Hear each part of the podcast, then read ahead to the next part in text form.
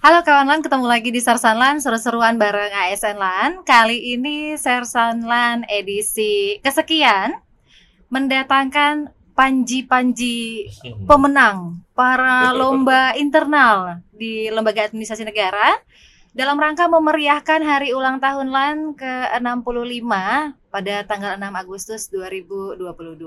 Telah hadir bersama kita nih perkenalan satu persatu langsung sepertinya ya.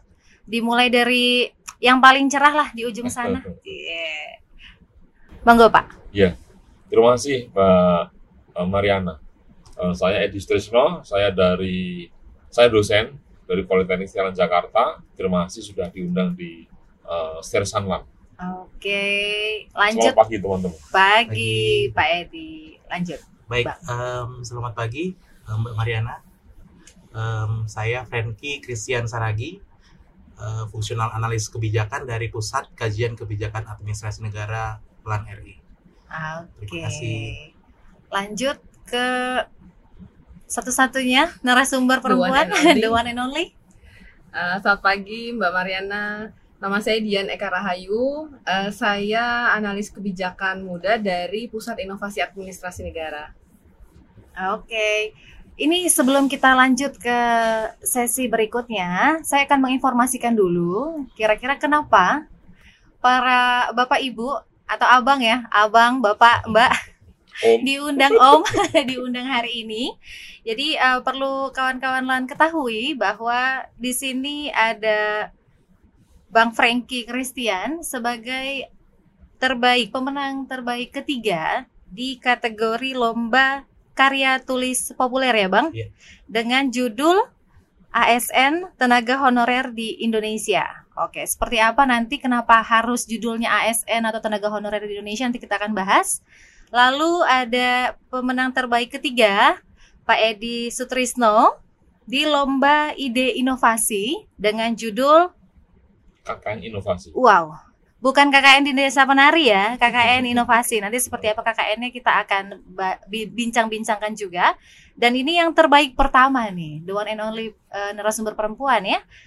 Mbak Dian Eka Rahayu dengan judul Innovation goes to school. Innovation Goes to School. Itu kenapa harus goes to school gitu ya. Nanti kita akan bahas. Oke. Mungkin kita langsung saja tapi satu satu hal yang perlu saya informasikan juga bahwa karena lomba-lomba ini Bapak, Mbak dan Abang saya ini dapat hadiah pelatihan inovasi pemerintahan di Bangkok. Aplaus dulu Yeay. dong untuk kita dong. Alhamdulillah. Makanya wajahnya sumringah-sumringah ya karena sudah ada hadiah nanti menanti di Pattaya. Oh bukan ya. Khusus di Bangkok aja ya. di Bangkok aja. Oke, kita langsung nih.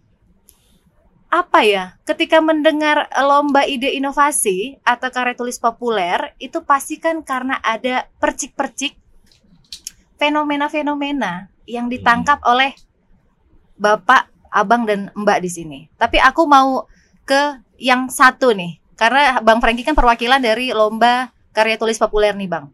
Yang beda dulu. Yang beda dulu nih. Hmm. Judulnya ASN Tenaga Honorer di Indonesia. Ada apa, Bang?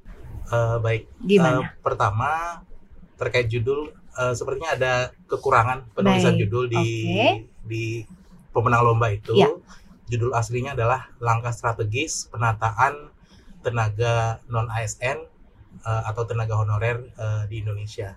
Nah, jadi itu ada kekurangan sedikit aja, mungkin ke, ke kekat kali waktu pengeditan. Jadi eh, adapun latar belakang kenapa saya mengangkat isu te- tentang tenaga honorer ini atau tenaga non ASN ini adalah ya memang sekarang jadi fenomena ya. Semua orang berbicara apalagi eh, pada awal eh, bulan yang lalu ya, bulan yang lalu eh, dua bulan terakhir ini memang eh, terkait tenaga honorer ini cukup eh, santer di mana Menpan mengeluarkan eh, surat eh, keterangan, surat edaran tentang eh, bagaimana eh, penataan tenaga honorer honorer ini di mana batas waktunya di- diingatkan kembali melalui surat edaran ini em, bahwa batas waktu eh, penataan tenaga honorer itu adalah sampai 28 eh, sampai eh, akhir eh, 28 Oktober 2023. Jadi eh, hanya tinggal satu tahun lagi nih. Nah, jadi karena itu eh, semua kalau kita melihat pemberitaan di media sangat banyak ya eh, eh, apa ya keresahan ya keresahan di berbagai di berbagai instansi pemerintah baik pusat dan daerah ya terutama di pemerintah daerah terkait eh, isu honorer ini karena memang eh, bisa dikatakan eh, ujung tombak dari pelaksa- pelayanan publik di di daerah itu eh, banyak di- dipegang oleh tenaga-tenaga honorer. Nah, namun eh, ada dengan adanya surat edaran ini eh, ya pemerintah daerah menjadi ya bagaimana nih untuk memenuhi eh, kebutuhan eh, pelayanan terutama pelayanan publik ya. Ya terutama di bagian-bagian pelayanan publik nanti bagaimana nih nanti eh, perjalanan pelayanan publik di, di pemerintah daerah jika tidak ada lagi tenaga honorer itu. Nah untuk itu makanya eh, dalam satu tahun ini harus memang harus semuanya berbenah ya semua berbenah karena memang ini am- amanat uh, undang-undang. Ya ada PP tentang manajemen P3K eh, dengan dengan eh, PP ini memang di- disyaratkan bahwa eh, akan dilakukan penghapusan ya penghapusan tenaga eh, non non ASN itu atau pegawai honorer itu di Indonesia itu aja mungkin Oke, mulai panas ya. Mulai berpikir, ini topiknya ke arah mana nih? Berat gak nih? Judulnya seru-seruan gitu ya. Tapi memang kenyataannya ya Bang, karena fenomenanya berangkat dari situ gitu ya. Oke. Kita lanjut ke Pak Edi nih. Ini tadi sudah penataan ASN, sudah mulai agak panas gitu ya. Kita langsung loncat dulu nih ke wilayah yang agak santai nih tentang KK, tentang KKN nih. Atau Ternyata nggak berat. santai, ternyata Ternyata berat berat. juga gitu kan. Gimana Iya. Pak? KKN berangkat dari apa nih Pak? Oke, baik. Terima kasih Mbak Mariana. Jadi ide ini, KKN inovasi ini, eh, saya pikirkan dan saya susun sebenarnya sejak tahun 2019-2020. Wah, Waktu saya menjadi Ketua Prodi eh, Administrasi Bangun Negara di Politeknik Jalan Jakarta. Kan kami, eh, Poltek, itu kan 2020 sudah mulai merekrut mahasiswa dari umum, reguler ya Pak? reguler. Reguler. Selama ini kan memang kami tidak ada KKN karena mahasiswanya kan PNS semua, TNI Polri, jadi tidak ada waktu untuk KKN. Jadi kami di prodi khususnya saya waktu itu memikirkan harus ada KKN nih. Tapi saya inginnya bukan hanya KKN seperti biasa gitu. buat petunjuk desa, karakter- petunjuk jalan Ya. gitu ya. Yang gitu biasa kan, KKN ya. bikin apa tuh patok-patok itu kayaknya Bikin udah patok-patok. lagi Iya, gitu ya. betul. Nah, ini saya pikirkan, kemudian saya kaitkan dengan LAN sebagai eh, gerbong penggerak eh, inovasi administrasi. Saya kaitkanlah itu menjadi KKN inovasi, gitu ya, di tahun 2020-an kalau nggak salah, 2019-2020. Eh, tapi belum pernah saya tulis, ya, belum pernah saya tulis namun dari tapi terus namun gitu ya saya masukkan ke struktur kurikulum ya kalau kaprodi dan sekprodi kan eh, punya ini ya eh, kurikulumnya nanti kayak apa usulan-usulannya kita Betul. masukkan dulu ya nanti kan akan direvisi oleh teman-teman nah itu saya masukkan dengan mbak eh, Bunila Kurniawati sekprodi kami waktu itu Eh, tapi belum pernah saya tulis tapi di di otak dan pikiran saya sudah, ada Sudah itu ada ide yang Ah, ah, sudah ada. imajiner.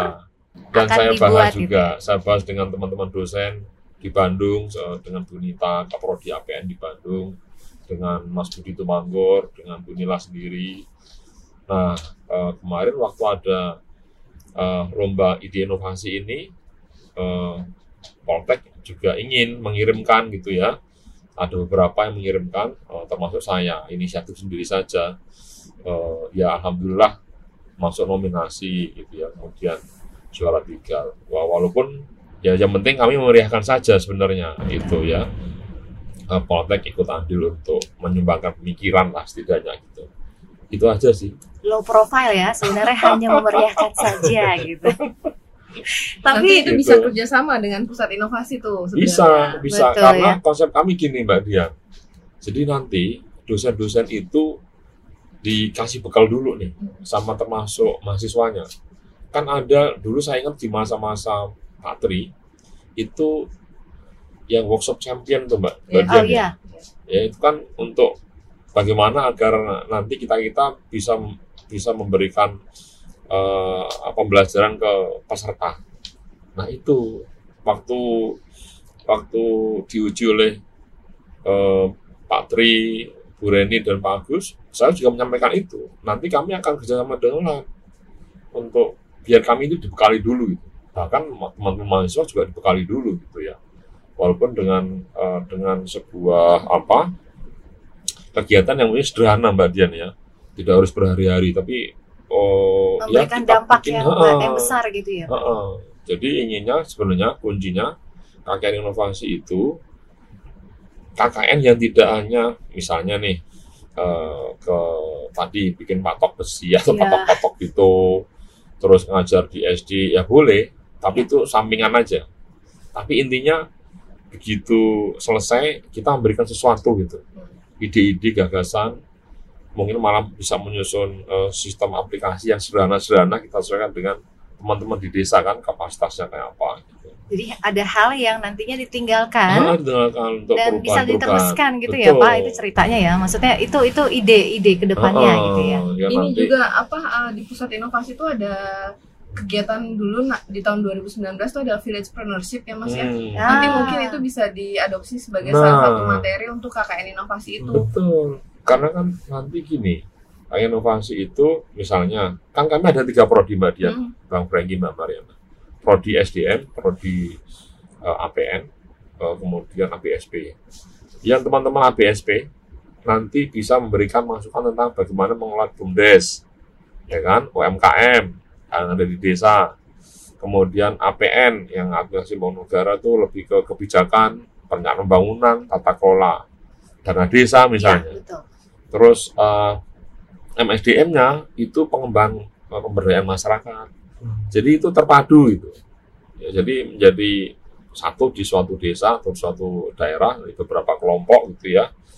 Eh, nah nanti begitu kita selesai meninggalkan sesuatu yang untuk perubahan-perubahan mereka gitu. Nah kita akan berikan juga itu kepada kecamatan dan kabupaten gitu. Jadi pengennya ada perubahan lah member- memberikan bantuan kepada eh, teman-teman di desa itu tadi yang apa eh, tata kelola keuangannya kayak apa kalau butuh pelayanan publik disimplifikasi dengan eh, aplikasi yang sederhana misalnya itu seperti apa saya yakin bisa gitu. jadi semacam kalau peribahasanya itu Pak bukan memberikan ikan gitu ya memberikan Mm-mm. alat pancingnya untuk Mm-mm. untuk nanti bertahan hidup ke depan Betul, terus menerus gitu terus digunakan. berkembang dan arahnya nanti muaranya menjadi desa binaan Ah, oke. daerah binaan kayak gitu kita ikat dengan kerjasama nanti kolaborasi dengan uh, unitnya Mbak Dian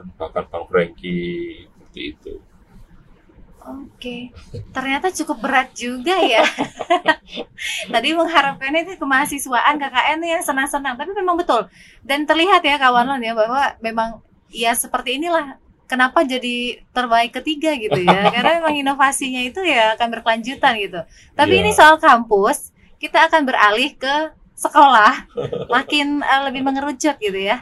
Kita langsung ke Mbak Dian dengan ide inovasi innovation goes to school. Gimana nih Mbak? Kenapa school? Kenapa nggak university? Kenapa nggak ke kelurahan gitu misalnya ya? Gimana gimana? Ya jadi eh, waktu eh, ide inovasi ini muncul itu ketika saya eh, kami kan di pusat inovasi itu ada kegiatan laboratorium inovasi yang prioritas nasional ya. Eh, itu eh, penekanannya fokusnya adalah daerah 3T. Oke. Nah, tahun lalu itu saya jadi koordinator untuk daerah 3T Kabupaten Kepulauan Tanibar. Mungkin teman-teman di sini juga banyak yang nggak tahu itu Belum daerah tahu, mana, iya. di mana Iya. gitu ya. 3T itu apa aja sih? Eh, 3T itu daerah Ujian ini. Ujian dadakan. tahu bener tuh tiga Ujian T dadakan. eh, daerah 3T itu daerah tertinggal, terluar dengan terdepan. Oh, Intinya oke, tuh daerah miskin lah ya, Ah, daerah ah, miskin ah, terus ah. di perbatasan gitu. Dan untuk daerah 3T itu ditetapkan oleh Perpres. Jadi ada Perpresnya eh, ada masa berlakunya. Nanti Kualifikasi suatu daerah disebut atau masuk Uh-uh. kategori 3T Ya, gitu ya, iya, apa betul, aja betul, gitu ya. betul. Itu itu ada daerah 3T. Eh, jadi kami tuh dari tahun 2020 udah mainnya di daerah 3T ini. Mungkin Oke. kalau teman-teman ASN yang lain eh, mainnya ke hotel bintang 5 ke mana gitu ya atau ke luar negeri. Kalau kami di pusat inovasi tuh mainnya ke daerah 3T, nginep di rumah-rumah penduduk gitu atau eh, mes sederhana seperti itu.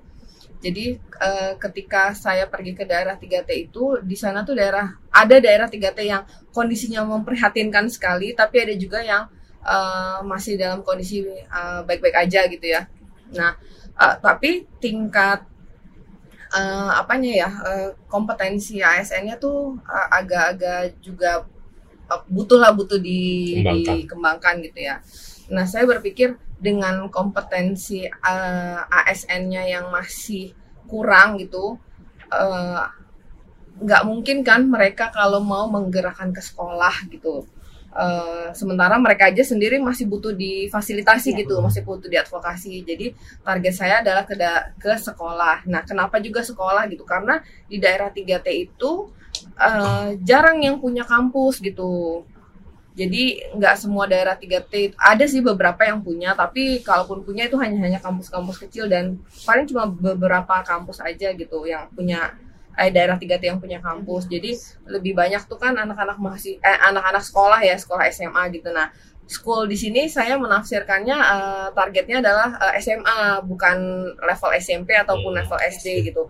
Karena kenapa saya milih SMA supaya mereka itu eh, mereka kan udah bisa diajak berpikir kritis ya, udah bisa menganalisis juga. Nah, jadi dengan eh, kami menjelaskan segala macam tentang inovasi itu diharap ada respon balik gitu. Jadi paling tidak mereka tuh bisa membantu menganalisis oh daerah saya kekurangannya ini, Eh, maka saya harus ngapain ya gitu. Saya harus meng- mengembangkan daerah saya itu seperti apa nantinya walaupun dengan pemikiran-pemikiran sederhana dan mungkin hanya berlaku di lingkungan eh, perumahannya atau di lingkungan sekolahnya seperti itu. Tapi mereka bisa do something gitu dengan berpikir kreatif out of the box lah gitu. Atau mungkin itu karena mereka anak-anak SMA ini sudah masuk apa namanya kategori usia yang menerima pelayanan publik nggak sih mbak? Misalnya kan ngurus KTP nih Iya, 17 tahun, gitu ya. iya. Jadi mereka sudah merasakan Hmm. Pelayanan-pelayanan publik dan kurangnya apa Ya, saja gitu mungkin di daerahnya bisa, gitu bisa ya. seperti itu juga. Cuma kan kalau 17 tahun itu kan biasanya kelas 3 SMA ya. Iya. kelas 3 SMA. Tapi saya berharap sih dari kelas 1, kelas 2 tuh sudah kita istilahnya kita racuni virus-virus inovasi lah Iya, kita kita tularkan virus-virus inovasi itu. Jadi uh, supaya mereka punya semangat untuk membangun uh, daerahnya gitu, tempat tinggal lahir saya. Maksudnya dari saya lahir sampai saya SMA ini begini-begini Begini aja aja. gitu bahkan banyak daerah-daerah yang memprihatinkan yang eh, jalannya itu berlubang, kemudian Hmm. nggak ada lampu penerangan, terus mau ngapain cuma begini-begini aja gitu. Harinya hari pasar juga nggak setiap hari, eh, apa komoditas itu harganya tinggi. Kan sebenarnya Hmm. mereka bisa melakukan sesuatu misalnya eh, apa bikin tanaman eh, pangan di lingkungan sekolahnya atau apa gitu. Itu sih Mbak Mariana. Tapi kenyataannya ketika langsung ke daerah 3T itu pernah ada fenomena apa mbak? Yang maksudnya yang membuat eh, mbak Dian kepikiran nih memang school gitu. Pernah maksudnya pernah ada melihat kejadian apa gitu? Atau eh, pernah ada peristiwa apa gitu selama ke daerah 3T? Jadi awalnya itu kan saya punya ide itu karena pas saya pergi ke Tanibar ya. Di Tanibar itu kan eh, kepulauan semua. Tanibar itu eh, Ini jarak sepertinya harus diperjelas ya. Tanimbar itu eh, Di mana? di mana dan ke sana itu kayak Ayu Ting penasaran ya? Di mana, di mana? iya naik kapal berapa jam gitu kan? Karena kan kepulauan nih Oh gitu. iya, Pulau. Jadi Gimana, gimana, dari Mbak? sini naik ke eh, naik pesawat ke Ambon, nanti dari Ambon kita naik pesawat apa Kecil. pesawat kecil itu loh, eh, pesawat Oh, kecil lagi. iya, eh, sekitar satu setengah jam lagi dari sana gitu. Dan itu jaraknya antara Tanimbar dengan Ambon dengan Tanimbar dengan eh, Darwin itu lebih dekat ke Darwin, Ke Darwin. Wow. 45 menit ke Darwin sementara kalau ke Ambon itu satu setengah jam. Kalau Jadi Hmm. lebih dekat ke Australia gitu Iya, malah ya, iya. gitu ya. Kalau dulu katanya sih ada ada ini malah ada speed gitu ya. Oh, eh, speedboat gitu tapi sejak maksudnya. pandemi itu udah udah nggak ada gitu. Nah di sana itu dengan kondisi kepulauan sekolah-sekolah tuh eh, jaraknya berjauh-jauhan itu. Nah pernah saya eh, di sana kan cukup lama ya waktu itu ya. Pernah pas di hari Sabtu itu saya diajak ke nyebrang ke pulau. Saya lupa namanya pulau apa gitu. Eh, nah tadinya saya berpikir eh, kita masuk ke sekolah aja di sana, tapi ternyata nggak cocok lah jadwalnya gitu itu akhirnya saya nggak jadi eh, mengedukasi teman-teman di sekolah gitu tapi akhirnya ke desa malah justru ke desa nih Mas Edi nih. Nah tapi terus muncul lagi ketika eh, saya pergi ke satu daerah lagi eh, namanya Taliabu. Pulau oke. Taliabu. Pulau Taliabu itu sebenarnya Maluku Utara. Tapi perjalanannya itu eh, dari Luwuk dari Sulawesi Hmm. jadi dia tuh lebih dekat dari Sulawesi. Dibanding dari Ternate. Hmm. Kalau dari Ternate dia harus naik kapal laut itu sekitar dua hari, tapi kalau dari Luwuk itu naik kapal laut ke Taliabu itu sekitar 12 jam. Wow. Itu naik kapal laut loh itu. Nah Hmm. pas ngeliat kondisinya Taliabu itu cukup memprihatinkan ya. Itu. Kabupaten itu Mbak? bukan? Kabupaten. Oh. Daerah 3T kan kabupaten semua Mas Oh, oke. itu em, cukup memprihatinkan dan saya ngeliat anak-anak sekolah di sana eh, ya seadanya gitu terus pada saat itu tuh saya pikir oh kayaknya nih inovasi innovation goes to school nih yang tertunda di Tanimbar ini harus segera dijalankan nih terserahlah lokusnya yang mana duluan tapi kita harus segera menjalankan gitu dan eh, innovation goes to school itu tidak membutuhkan budget khusus ya karena Hmm. itu bisa dibarengin dengan kegiatan lab innov yang kami lakukan gitu. Hmm. Kalau awalnya saya hanya berpikir untuk daerah 3T, tapi nantinya ke depannya eh, bisa dikembangkan juga untuk eh, kabupaten apa untuk kabupaten dan kota lainnya yang non 3T itu Hmm. gitu. Nanti bisa juga nanti eh, berkembang lagi jadi innovation goes to kampus bisa sih seperti itu nggak mesti school tapi karena awal mulanya dari eh, pengalaman pergi ke 3T dan 3T itu hanya mayoritasnya sekolah ya jadi namanya goes to school. Baik. Sungguh kalau yang saya tangkap nih menumbuhkan rasa cinta nasionalisme nggak Iya. sih sebenarnya lebih ke situ ya maksudnya Betul. mereka tuh remote remote area ya jadi maksudnya daerah yang jauh dari mana pun Iya. gitu bahkan lebih dekat ke negara tetangga daripada ke Indonesia, Indonesia. sendiri tuh sebenarnya itu rasa nasionalismenya harus dipupuk terus-terus gitu ya karena mengkhawatirkan ya Dan saya pikir tuh innovation goes to school tuh bisa jadi kayak semacam CSR-nya LAN ya. Hmm. Keren. itu. Jadi itu non budgeter tapi eh, sekali jalan ada dua tujuan yang kita kerjakan ya kita memfasilitasi daerah tapi sekaligus kita melakukan CSR untuk anak-anak sekolah. kebayangkan kenapa Mbak Dian dapat terbaik pertama? Oke. Sekali menyelam tiga pulau dua tiga pulau terlampau. ah, itu terlampaui. saya saya saya revisi Pak sekali mendayung dua Oh, tiga iya. bulan terlampaui Oh iya, iya. sambil menyelam minum air Oh, gitu ya iya. maklum masih mengurusi KKN sekaligus mengajar itu membuat Pak Edi memiliki substansi yang banyak untuk dipikirkan oke berangkat dari itu semua nih eh, Bapak Abang Mbak Mbak semua nih gitu ke depannya ide inovasi Hmm. atau karya tulis yang eh, sudah dipublikasi oleh Bang Franky. Ini dimulai dari Bang Franky dulu mungkin ya kembali.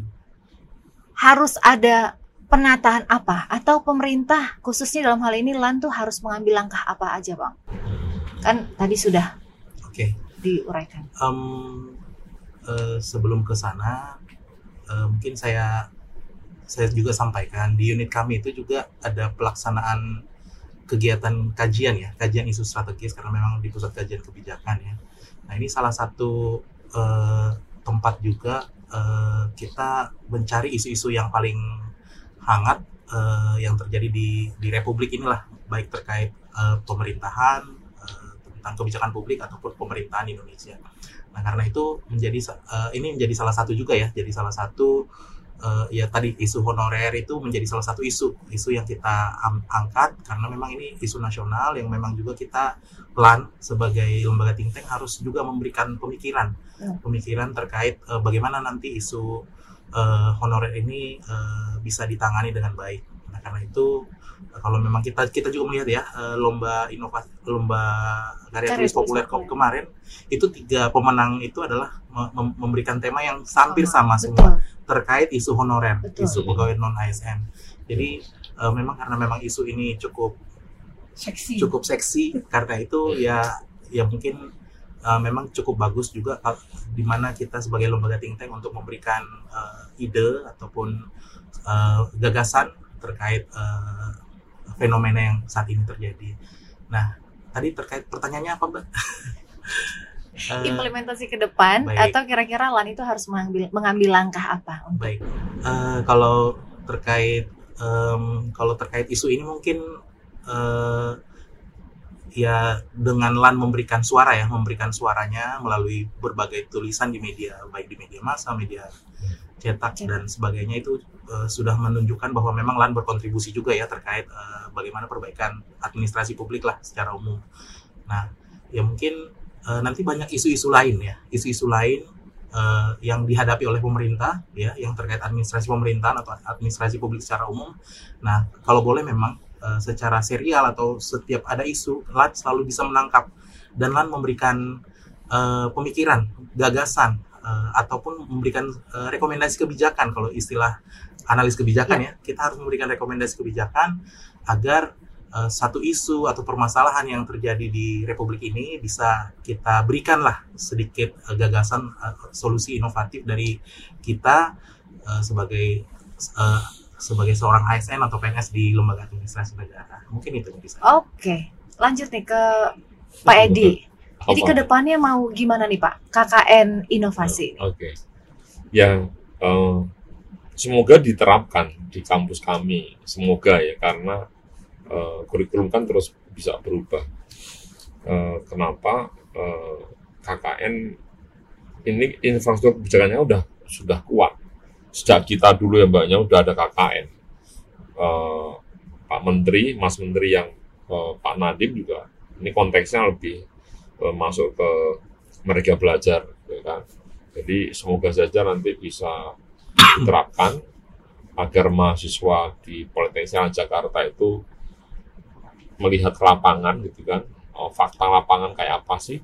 Kondisi masyarakat dan sebagainya, sehingga nanti mereka bisa tumbuh tumbuh jiwa pengabdian, tumbuh jiwa eh, apa ketika muncul kebijakan lihat tuh masyarakat ya perhatiin tuh masyarakat di kita tuh masih jangan lihat aja di di Jakarta nih yang Hedon. hedon kemebiar gitu ya tapi oh lihat di Banten di mana lah Daerah 3T. daerah 3T Oh iya, Betul, KKN-nya ke daerah. ah waduh Betul, berapa betul, biayanya ya itu jadi agar ini saja ah, kayaknya kalau kuliah nggak KKN tuh nggak komplit mbak Betul. ya kan Tapi aku enggak loh. oh nggak tahu Aduh, Aku enggak Nggak ada seru. Pengakuan dosa nih padahal nih. bisa cinta lokasi di macam-macam Wah, tujuannya Tata lebih ke individu ya, pribadi. Oke itu deh. sih sebenarnya Oke. semoga bisa diterapkan Oke, Pak. Amin. Mbak Dian. Untuk Eh, ke depannya, Mbak. Kalau ke depannya insya Allah eh, Innovation Goes to School itu bisa dijalankan di bulan September ini karena kan kami ada uh, launching inovasi ya, jadi bisa sekaligus. Nah yang pertama ini daerahnya Bulukumba. Sebenarnya Bulukumba itu bukan daerah 3T, dia nggak masuk daerah 3T, tapi dia masuk program prioritas nasional uh, untuk kegiatan laboratorium inovasi. Jadi karena jadwalnya yang pertama uh, Bulukumba, jadi insya Allah bisa dijalankan di sana. Cuma memang yang kami harus persiapkan lagi, harus dimatangkan lagi terkait dengan uh, sharing seperti apa sih yang mau kita beri kepada anak-anak sekolah ini. Nah itu mungkin nanti harus ada pembahasan dengan uh, Pak Deputi dan tim uh, Pusat Inovasi. Itu sih Mbak. Oke. Ini eh, sebagai closing ya, sebagai penutup ya, eh, kawan lan. Aku mau mau denger nih satu hal. Kan ini kita sebagai ASN nih, Bapak, Mbak, Abang gitu ya. Tapi ide inovasi dan karya tulis itu kan timbul dari sebenarnya pemikiran kita tentang hal lain selain tupoksi yang kita kerjakan sehari-hari gitu. Jadi apa sih hal yang maksudnya ingin eh, Bapak, Abang dan Mbak sampaikan gitu untuk menumbuhkan ide inovasi, hal apa yang harus diasah gitu atau pesan Hmm. untuk semua kawan LAN, baik itu yang eh, ASN atau masih masih CASN gitu ya. Apa yang harus diasah dari diri sendiri dari Bang Frankie? Em, Semacam pesannya gitu ya. Baik, Eh, kalau terkait eh, menulis ya, kalau menulis itu memang em, ya harus diasah ya. Yang pertama itu pasti harus diasah. Em, saya juga masih baru, masih sangat eh, belajar ya, masih banyak belajar terkait bagaimana menulis yang baik, bagaimana mempublikasikan tulisan dengan baik. Ya, jadi memang terkait menulis ya sering-sering aja memang menulis, sering-sering menu- menulis. Saya juga ini jadi pemacu pemicu buat pemacu buat diri saya sendiri supaya saya ke depan lebih sering lagi menulis, lebih sering lagi mempubli- mempublikasikan uh, tulisan-tulisan yang memang bermanfaat untuk uh, baik di untuk internal maupun untuk uh, eksternal. Itu yang pertama. Yang kedua memang ya supaya memang juga seiringan ya tadi seperti kata uh, Mbak Mariana supaya bagaimana untuk uh, mengatur ya kegiatan tupoksi kita dengan juga uh, ya Sisi agar agar kita bisa gitu ya. juga bisa melakukan hal lain ya memang eh, keseimbangan itu cukup eh, perlu ya. Kita harus bisa seimbang eh, ketika di kantor memang bisa melaksanakan kegiatan kantor dengan baik plus juga bisa ya ada nilai nilai plusnya. Kita bisa men- mem- melakukan hal lain yang bermanfaat. Ya tadi tadi mem- misalnya membaca eh, me- me- mengkaji hal-hal lain yang di luar pekerjaan kita. Kemudian nanti ya ya banyak hal-hal lain lah. Karena itu em, selain kita melakukan kegiatan yang menjadi topoksi kita ya kita juga harus membuka diri mem- membuka informasi yang selebar-lebarnya membu- mem- sebenarnya membaca itu hal yang ini ya hal yang mungkin eh, ya mungkin terlalu mudah ya dikatakan tapi ternyata tidak semua orang rajin membaca terutama ya paling kita membuka media sosial saja mungkin ya tapi hal-hal yang lain di luar yang mungkin eh, be- be- berbentuk teks ya apalagi di di kampus itu sangat memang kita harus literasinya harus harus banyak yang membaca buku membaca literasi sehingga eh, itu hal itu akan mem- mem- mem- membuat kita se- semakin baik untuk ketika itu bisa kita kita tuliskan kembali ya eh, gagasan ide-ide yang sudah kita terima dari membaca membaca membaca gagasan itu supaya bisa kita tuliskan dengan baik. Nah karena itu butuh eh, pengasahan ya tadi seperti tadi diasah terus dilatih terus. Mungkin itu dari saya. Oke, Pak Edi. Oke, ya eh, PNS itu kan agen perubahan ya. Seperti itu. Jadi eh, apalagi khusus untuk PNS di LAN sebagai eh, think tank, lembaga think tank, kemudian eh, eh, penggerak gerbong inovasi gitu, eh, reformasi ASN dan seterusnya, ya kita mestinya responsif terhadap perubahan-perubahan yang terjadi di di uh, lingkungan strategis kita, aplikasi publik dan uh, seterusnya. Pilihannya hanya dua, inovasi atau mati. Wah. Itu aja. Inovasi harga mati. Oke. Mbak Dian. Eh, kalau kami di pusat inovasi punya tagline ya everyone can innovate jadi sebenarnya semua orang itu bisa berinovasi Eh, jangan pernah berpikir inovasi itu hanya berbentuk aplikasi hanya berbentuk sistem tapi perubahan dari yang tidak ada menjadi ada dari yang sudah ada kita kembangkan itu juga inovasi jadi sebenarnya inovasi itu mudah ya inovasi itu gampang dan semuanya bisa berinovasi. Saya yakin itu. Wow, oke. Eh, applause dulu untuk kita semua.